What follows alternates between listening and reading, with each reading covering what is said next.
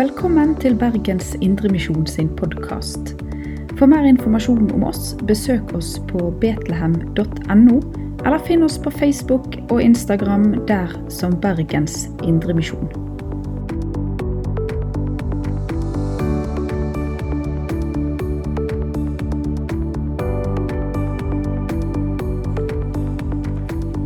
Skal vi be? Kjære Jesus, tusen takk for eh, at du er til stede her, sånn som vi sang. Og eh, Herre, vi ber om at vi bare kan få glede oss over ditt nærvær. Så ber vi om at vi åpner eh, både hjerter og tanker og sinn eh, Herre, gjennom denne gudstjenesten og ta imot alt det du vil formidle til oss, Herre.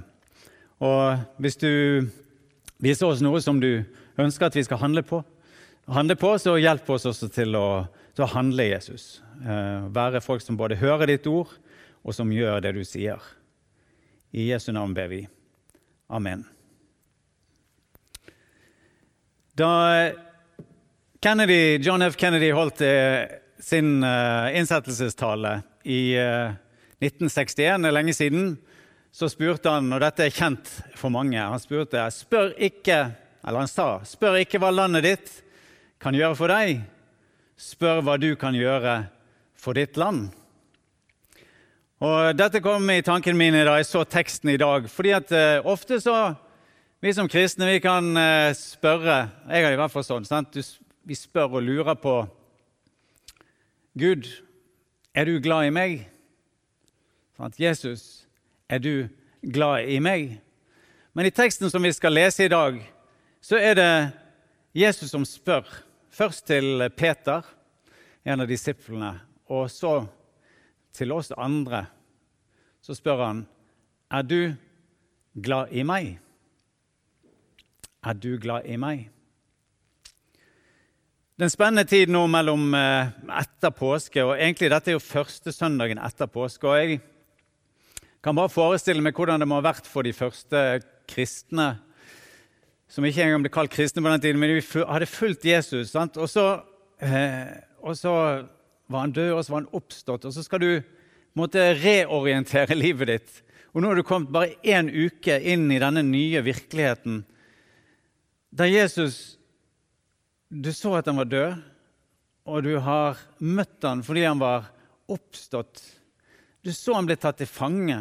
Du så at han ble anklaget. For Peter, som vi skal høre om i teksten i dag, så han opplevd eh, dette intense med at han fornektet Jesus. Han, han eh, sa at han ikke kjente han. Så har de fått oppleve den tomme graven, og så har Jesus også vist seg for dem to ganger før det som vi skal høre i dag. I dag, i dag er det tredje gang eh, han viste seg for disiplene i den teksten vi skal lese i dag. Og nå har de, mange av de fall gått hele veien fra Jerusalem og tilbake til eh, Galilea, der mange av de da kom fra. Og Peter og seks andre de har eh, kanskje gått tilbake igjen for å jobbe med de tingene som de holdt på med. Peter var fisker, sant? og nå har de vært ute og fisket om natten og ikke fått noe fisk. Og så opplever de rett før den teksten som vi har i dag, er sånn under. Sant? Altså de, det står en mann på stranden, og så ber han de kaste ut eh, garnet på andre siden av båten. Eh, og så velger de å være lydige, selv om de ikke vet om han kan noe om fiske i det hele tatt. Eh, så er de likevel lydige, kaster ut garnet, og så får de veldig, veldig mye fisk. 153 i tallet står det i Bibelen. Og så innser de at det er den som står på stranden, det er Jesus. Og så kaster Peter seg ut i vannet først og svømmer inn. Og så kommer de andre etter. Og så kommer de inn, og så har Jesus tent et bål, og så har han lagd et måltid for dem. Og så har de frokost sammen. Eh, på, på stranden der. Og Så går vi inn i dagens tekst, som er fra Johannes 21, og vers 15-19. Der står det Da de var ferdige med måltidet, sier Jesus til Simon Peter.: Simon, sønn av Johannes, elsker du meg mer enn disse? Han svarte, Ja, Herre, du vet at jeg har deg kjær. Jesus sier til ham, Føl lammene mine. Igjen for annen gang sier han, 'Simon, sønn av Johannes, elsker du meg?' Ja, Herre, du vet at jeg har deg kjær, svarte Peter. Jesus sier, Vær gjeter for sauene mine. Så sier han for tredje gang, Simon, sønn av Johannes, har du meg kjær? Peter ble bedrøvet over at Jesus for tredje gang spurte om han hadde ham kjær, og han sa, Herre, du vet alt. Du vet at jeg har deg kjær. Jesus sier til ham, Fø sauene mine. Sannelig, sannelig, jeg sier deg, da du var ung, vant du beltet om deg og gikk dit du selv ville. Men når du blir gammel, skal du strekke ut hendene dine, og en annen skal binde beltet om deg og føre deg dit du ikke vil. Dette sa han for å gi til kjenne hva slags død han skulle ære Gud med. Da han hadde sagt dette, sa han til Peter, følg meg.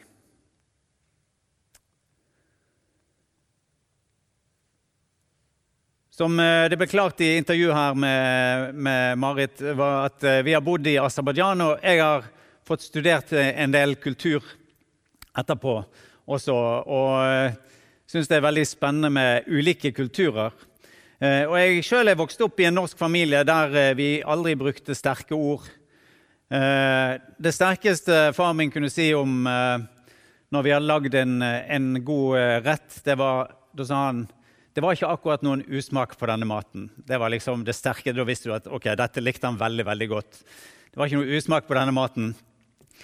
Eh, og elsker det er da for meg Sånn som Jesus spør her, Peter, elsker du meg, så er det for meg et veldig veldig, veldig sterkt ord. Det er liksom å ta det helt til enden av skalaen. Og Når jeg fyller ut sånne her eh, spørreundersøkelser, så bruker jeg aldri endene, fordi jeg er vant til å operere i midten. Sant? Aldri de store utslagene, ikke de sterke ordene. Eh, men jeg har en kone som er vokst opp i Midtøsten, eh, og hun eh, elsker det ene og det andre. Og hun sier det alltid. 'Jeg elsker mango', sier hun. Sant? Eller hun kan si når bilen vår starter sant, på en kald morgen 'Jeg elsker bilen vår'. Eller 'Jeg elsker den nye varmkomposten vi har fått'. Av og til sier hun at hun elsker naboen også. Sant? Fordi hun, Det er hennes måte å tale på.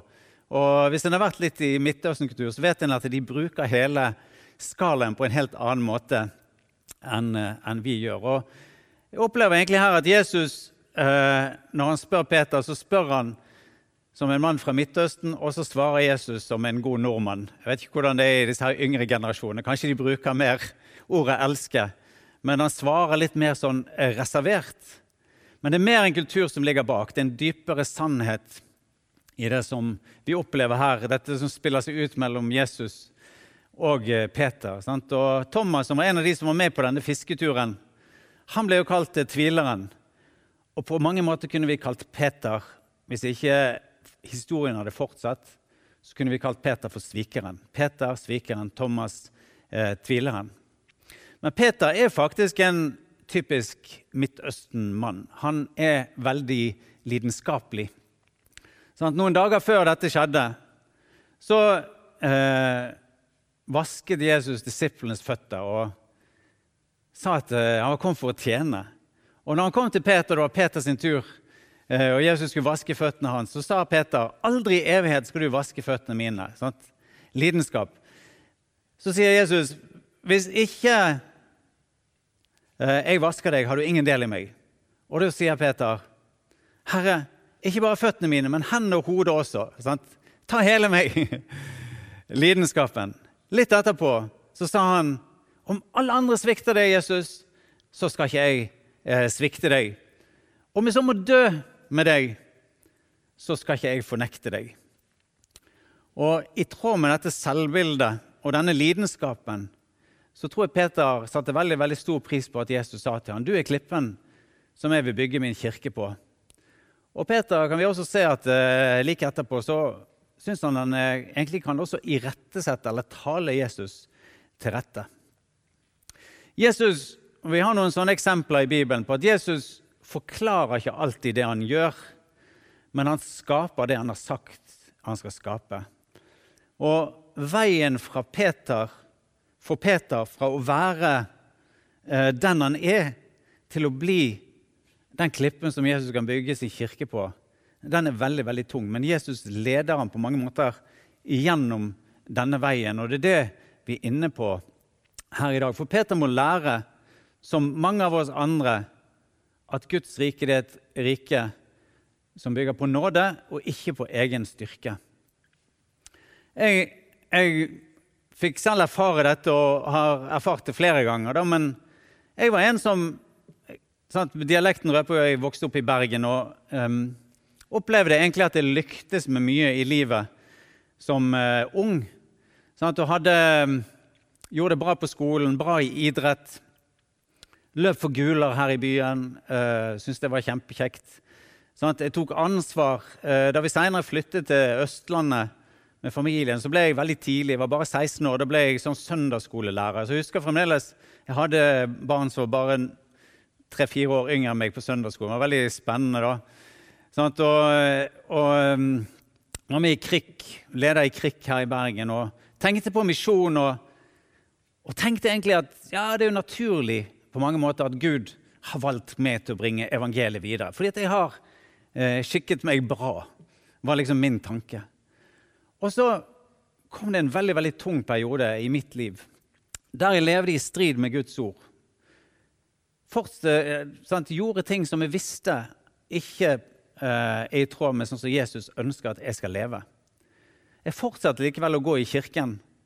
Og På denne tiden så bodde jeg på Majorstua i Oslo. Jeg husker fremdeles Vi gikk til Majorstua kirke hver søndag. og Det var en gammel prest som tydeligvis hadde problemer med å huske folk. Fordi at uh, han uh, Hver gang gudstjenesten var over, så sto han i utgangen og hilste på folk. Før korona, dette. Sant? Tok de i hånden og sa 'takk for gudstjenesten'. Og så alltid da vi kom, jeg og vennene mine, så sa han 'Å, så kjekt å se noen unge her i kirken'. 'Er det første gang dere er her?' Sant? Og vi var der faktisk hver eneste søndag. Men det var jo ikke det viktige om han husket oss eller ikke. Det viktige var at han alltid i sine taler, absolutt alltid, så var det et fokus på nåde. I hvert fall sånn hørtes det ut for meg. Han talte hver eneste søndag om Guds nåde. Og der satt jeg i kirkebenken og kjente bare at eh, jeg lever i strid med det Jesus ønsker.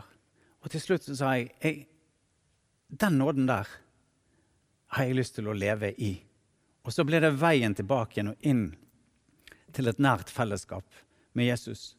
Og Da vi fikk reise ut til Aserbajdsjan, så skjedde det også for meg på et helt annet grunnlag enn at jeg var så veldig dyktig eh, og skulle få lov til å være i Aserbajdsjan fordi jeg var så flink.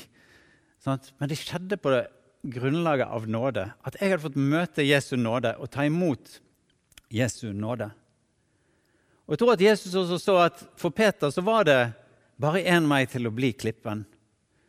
Han visste at Peter måtte lære både ydmykhet og å bygge livet sitt på nåde.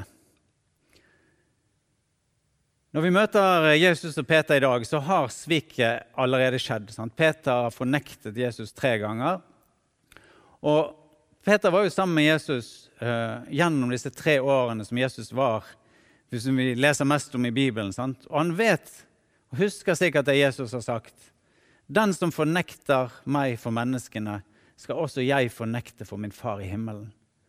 Føles som du har falt utenfor nåden, på en måte, sant? utenfor fellesskapet.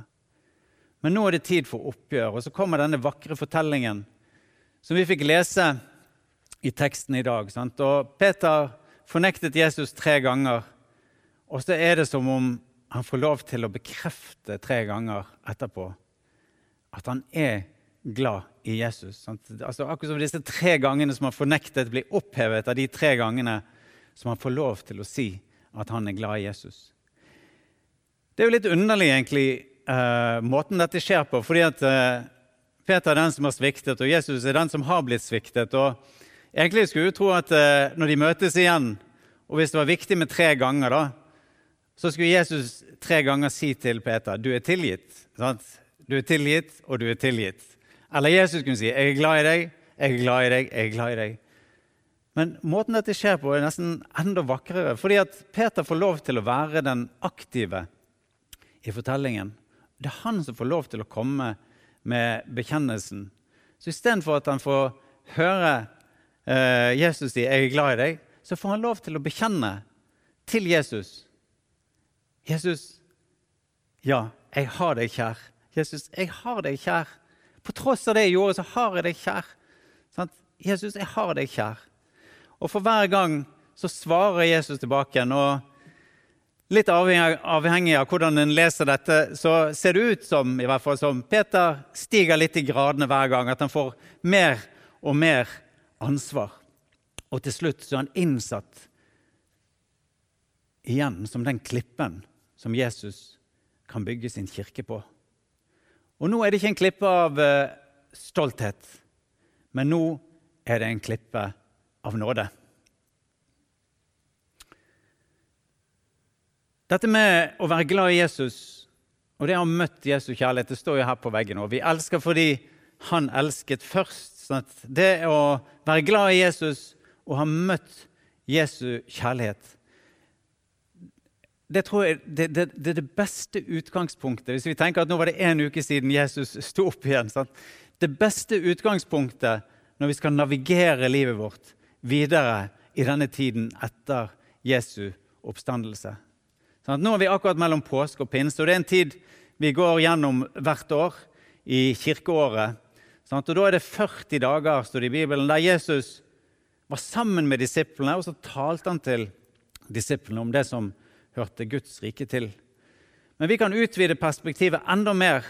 Sant? Og Her kommer hjelp fra kanskje for noen, Jeg vet ikke om noen av dere menn også strever litt med å si dette, eller snakke veldig mye om følelser. da. Kanskje det var min generasjon og min fars generasjon enda mer.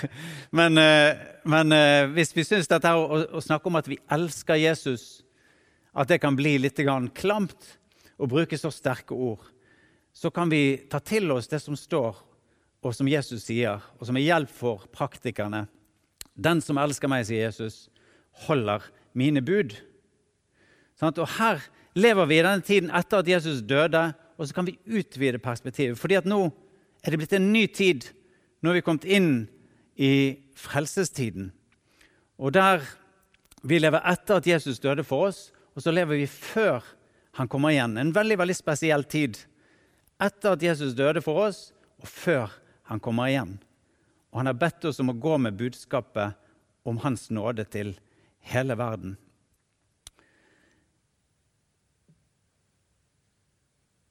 Den som elsker meg, holder mine bud. Sant? Den som elsker meg, gjør det jeg sier. Vet ikke om dere hørte Det første spørsmålet som Jesus stiller til Peter, er ganske underlig. Da sier han, 'Elsker du meg mer enn disse?' Og I teksten så vet vi ikke engang hva Jesus tenker på når han sier disse. Er det de andre disiplene? Er det, er det fiskebåten og nettene som ligger der? Eller, eller er det andre ting? Altså, er, er, det det at Peter elsker Jesus mer enn de andre elsker Jesus? Men da jeg leste det, så kom jeg på en uh, veldig veldig vakker historie som også handler om det om å gå videre med evangeliet. I denne historien så har jeg byttet navn på personen fordi at hun skal reise til et restriktivt område. Holder på å reise akkurat nå. Hun kommer fra Nigeria. Eh, og Første gang jeg møtte henne, var på et kurs i Nigeria for uh, kanskje tre, to eller tre år siden. Og Da vi satte oss ned, så fortalte uh, Vi kan kalle henne Onim, som er et vanlig navn i Nigeria. Så fortalte hun uh, meg at for flere år siden, nå er det syv år siden, så hadde hun våknet etter en veldig, veldig, veldig sterk drøm. Og så hadde hun hatt et ord i tankene sine. Og ordet var det var, det, var ikke, det var, ikke, det jeg sier nå. Jeg sier Nakhitsjevan, som er en del av Aserbajdsjan. Det var ikke det. Det var et land, eh, navnet på et land, men hun visste ikke at det var et land. Kan ikke si hvilket land det er, dessverre. Men eh, i hvert fall så våkner hun med dette ordet, og så tenker hun Hva er det for noe? Så går hun på Internett og finner ut at dette er et land, og så kjenner hun fra den dagen at Gud kaller meg til å reise til det landet. Eh, Onem er lærer og har forberedt seg siden til å få reise. Og Så er hun også nigerianer og nigeriansk kultur, og nå begynner hun å nærme seg 30. Og I Nigeria så er det sånn at eh, når du passerer 30, så er du egentlig blitt for gammel til å være inne i dette. her. Du begynner å bli for gammel til å gifte deg. da. Så eh, Det beste for henne ville vært at hun fikk gifte seg før eh, hun reiste, og reiste sammen med mannen sin. Så uh, sier hun at vet du, det har vært syv forskjellige unge menn som har kommet til meg og spurt om jeg vil gifte meg med dem. Ja, syv forskjellige på syv forskjellige anledninger. Og så, så, så sier hun at mitt første spørsmål tilbake er Har du et kall til å reise til Nakhitsjevan? Første spørsmål tilbake. Har du et kall til å reise til Nakhitsjevan? Hun sier ikke engang Hun kunne jo sagt liksom, er du villig til å bli med meg fordi jeg, jeg har et kall til Nakhitsjevan. Men hun sier har du et kall til å reise til Nakhitsjevan. Og så sier hun at alle sammen svarte nei på det spørsmålet. Og da sa hun bare tilbake til dem at ekteskapet er uaktuelt, for jeg skal dit. Og du er nødt til å ha ditt eget kall til det landet hvis du vil gifte deg med meg. Elsker du meg mer enn disse? Sant? Elsker du meg mer enn disse? Og for Onem så er svaret helt klart ja. Hun elsker Jesus mer enn ekteskapet, mer enn disse unge mennene som ønsket å gifte seg med henne. Sant? Og her kan vi også gjøre opp regnskap i våre liv og spørre liksom eh, Elsker vi Jesus mer enn alt dette andre som er en del av livet vårt? Er det sånn at hvis spørsmålet kommer er du villig til å forlate dette for å følge meg, så sier vi ja på det. For Peter ble ikke livet det samme etter det nye møtet med Jesus. Og nåden som vi møter hos Jesus, den forvandler. Eh, den, den, forvandler. Forvandler oss. Uh, av og til kan det være vanskelig å gripe den. Hvis Jesus hadde spurt meg og nå er, jo, nå har jeg levd i 54 år. Og mange i faser av dette livet, Hvis Jesus hadde spurt meg, kom til spurt meg elsker du meg, Steinar, så ville nok svaret vært uh, Ja Tja. Ja da. Sant? Jeg er glad i deg. Uh, ja, sant? Og Livet går opp og ned, og av og til føler du liksom at det er godt å leve, og da er vi glad i alle. Men av og til er det ikke så enkelt. og vi har fått uh, leve et liv der vi har vært veldig avhengig av for, uh, at Gud forsørger oss også veldig konkret. Og det har ikke alltid, alltid gått opp. Sant? Og jeg kan si, kanskje mer før enn nå, da, men at jeg har bedt mange bønner. Kanskje dere gjør det også. Bedt mange bønner med, med knyttede never. Ikke foldede hender, men knyttede never. Bare Gud, er det, er det dette det betyr å være i tjeneste for deg? sant? Er det sånn livet skal være, da? Elsker du meg? Ja, jeg gjør jo det. Sant? Men når livet går opp og ned, så har jeg lært meg til at det en alltid må gå tilbake til. Og som er grunnlag, og etter hvert som jeg er blitt eldre, har blitt mer og mer grunnlaget for, eh, for min tro og mitt liv også. Det å gå tilbake til, til nåden. Og bak, tilbake til det som skjedde i påsken. Tilbake til at Jesus ga sitt liv. Bare si at eh, den personen som ga sitt liv for meg, han er jeg selvfølgelig glad i. Sant? At noen kan gjøre det, det gjør at jeg selvfølgelig er glad i den eh, personen, og glad for at jeg har fått nåde. Men av og til kan det være noe fjernt også over det å tenke på korsfestelsen, fordi eh, det er en straffemetode vi ikke bruker i dag.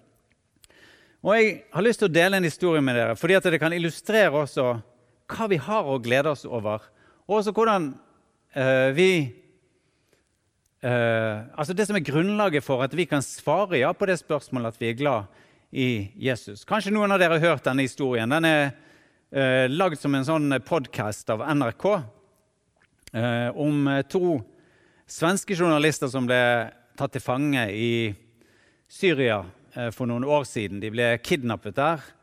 Og eh, så blir de holdt lenge i fangenskap. Eh, de prøver å komme seg fri på et tidspunkt, og da blir en av vaktene skadet. Og også en av disse, de, de heter Magnus Falkehed og Niklas Hammerstrøm. Han Niklas blir skadet når de prøver å komme seg fri, og også i dette angrepet på vakten. Og så blir han andre, Magnus, blir eh, torturert og veldig, veldig brutale. Ekstremt brutale eh, forhold. Og de vet ikke engang at det er noen som jobber med å prøve å få dem Eh, løslatt. Men så går livet på en måte sin gang, og så, og så er det i denne brutaliteten og usikkerheten. De vet ikke om de får leve eller dø, om, om, de skal dø. Så blir de en dag de blir delt opp, satt i hver sine biler, og så kjører de vekk fra dette området der de da sitter fanget. Og så kjører de inn først til et industriområde der det er Niklas som er først dit og blir bedt om å kle av seg og dusje og ta på seg noen nye klær. Og så kjøres de derfra så inn i et sånt grustak. Og så han, forteller han i denne podkasten at, at, at, han skjønner at han kanskje kan bli løslatt. At han kan slippe ut fra dette fangenskapet. Og Han sier at han venter egentlig at inn i dette grustaket så skal det komme sånn FN-helikopter eller et sant, med svenske soldater. Han er svensk, da. Og de skal komme ut og bare hilse han og si 'Bli med oss, liksom. Nå er du, nå er du fri'. Men så når de har kjørt inn dit, så kommer de istedenfor et helikopter så kommer det en rusten pickup. Og ut fra denne pickupen så kommer det en, en litt sånn tykkfallen mann som har et veldig godt humør, og han ler. og Bare det gjør et veldig sterkt inntrykk på Niklas, at, at, at det er en som ler i denne situasjonen. og og Niklas er ute av denne bilen til kidnapperne. Og denne mannen står og snakker med, med kidnapperne, som er tungt bevæpnet.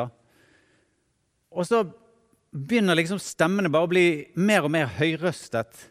Og til slutt så kommer han som er leder for kidnapperne, som de kaller kapteinen, og bare tar Niklas og inn igjen i kidnappernes bil. Og så kjører de tilbake igjen ut av dette grustaket. Og han skjønner at utvekslingen gikk ikke som den skulle. Dette gikk ikke. De kjører bare noen hundre meter, og så uh, stopper de bilen igjen. Og så tar kapteinen Niklas ut av bilen og sikter på han med gevær og sier jeg, jeg, jeg må skyte deg. Løp din vei. Jeg er nødt til å skyte deg. Og Mens han står der og sikter på Niklas, så ringer telefonen til denne kapteinen. Og Det blir flere telefoner frem og tilbake, og til slutt så tar kapteinen Niklas inn igjen i bilen, og de kjører tilbake igjen inn i dette grustaket. Når de kommer inn dit, så står den eldre mannen der sammen med en ung gutt. Og Idet de kommer inn, så kommer denne gutten bare løpende over til kidnappernes bil. Og så kommer Niklas ut og går over i eh, denne pickupen som, som står der. Så kommer kapteinen gående fra kidnappernes bil og over til pickupen. Så kommer han bort og så, så, så spør han Niklas forstår du egentlig hva som har skjedd nå. Så ser Niklas på ham og sier han, nei, jeg forstår ikke hva som har skjedd. Så sier kapteinen denne mannen her har byttet deg mot sin egen sønn. Han har byttet deg mot sin egen sønn. Og så kjører kidnappernes bil bort, og Niklas kjører sammen med denne mannen og noen bevæpnede folk også i pickupen vekk. Og når de har kjørt et stykke, så spør Niklas denne mannen. Så sier han, 'Er jeg fri?' Så snur mannen seg mot ham, så sier han, 'Ja, nå er du fri'.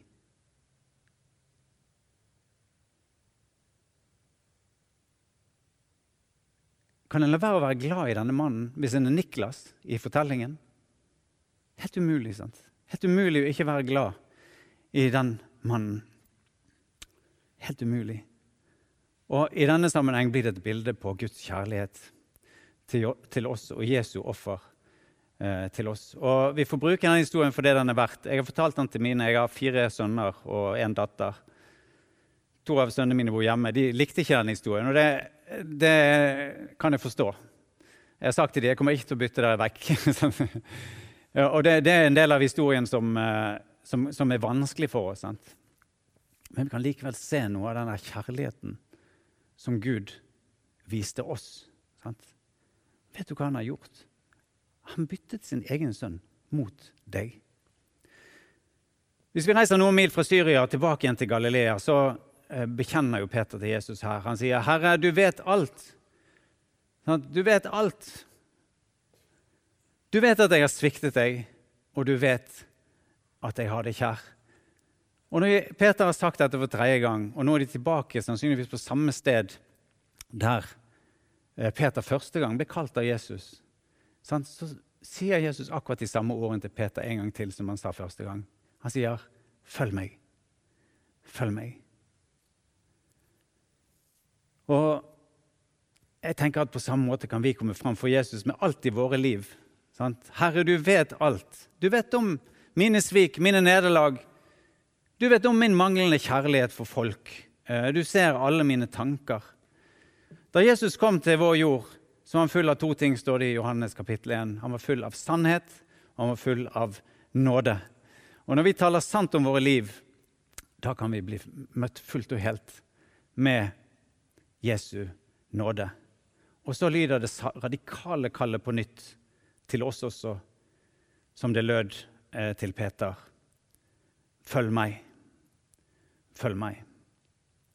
Og nå vet jeg med ditt liv, eh, du som hører dette, om Kanskje har du det sånn at eh, du kjente at du levde mer radikalt før, men ikke nå. Kanskje kjenner du at eh, jeg hadde faktisk et sterkt kall over livet mitt. Som, det var noe jeg opplevde at Jesus ville jeg skulle gjøre, men det er ikke det nå. Eller denne kjærligheten som brant så sterkt, den er blitt mye svakere. Til deg har jeg lyst til å si at eh, livet ditt er ikke slutt, og Jesus er ennå ikke kommet igjen. Og i dag så er en dag der vi kan, som Peter, ta imot Guds nåde og hans kall på nytt. Så kan vi også si ja, Jesus, du vet at jeg har deg kjær, når han spør elsker du meg. Og så kan vi få høre tilbake Jesus som gjeninnsetter oss og sier, 'Følg meg'. Skal vi be? Kjære Jesus, takk for uh, det vi har fått dele i dag, Herre, også fra ditt ord. Uh, takker deg for at du gjeninnsatte Peter som klippen som du kunne bygge din kirke på, Jesus. Og vi takker at uh, vi også kan få møte din nåde som sprenger alle grenser for det vi, vi kan forstå, Jesus. Du ser hvordan livet ellers lærer oss at vi må gjøre oss fortjente ting, og så får vi ta imot din nåde ufortjent. Så vi ber Jesus om at, eh, at vi skal gripe det likevel, Herre. At uh, det som skjedde i påsken, skal være virkelighet for oss. Det at du, Jesus, tok vår plass. Vi takker deg, Herre, for at du gjorde det. Så ber vi, Herre, i alle livets faser, og når det går opp og det går ned, at vi må eh, holde fast på din kjærlighet til oss, og også eh, gi et gjensvar gjennom vår kjærlighet til deg, Jesus. Og at vi kan ha det som fokus i livet vårt, at vi virkelig ønsker å følge deg. I Jesu navn. Amen. Du har lytta til Bergens Indremisjon sin podkast. For mer informasjon om oss, besøk oss på betlehem.no, eller finn oss på Facebook og Instagram der som Bergens Indremisjon.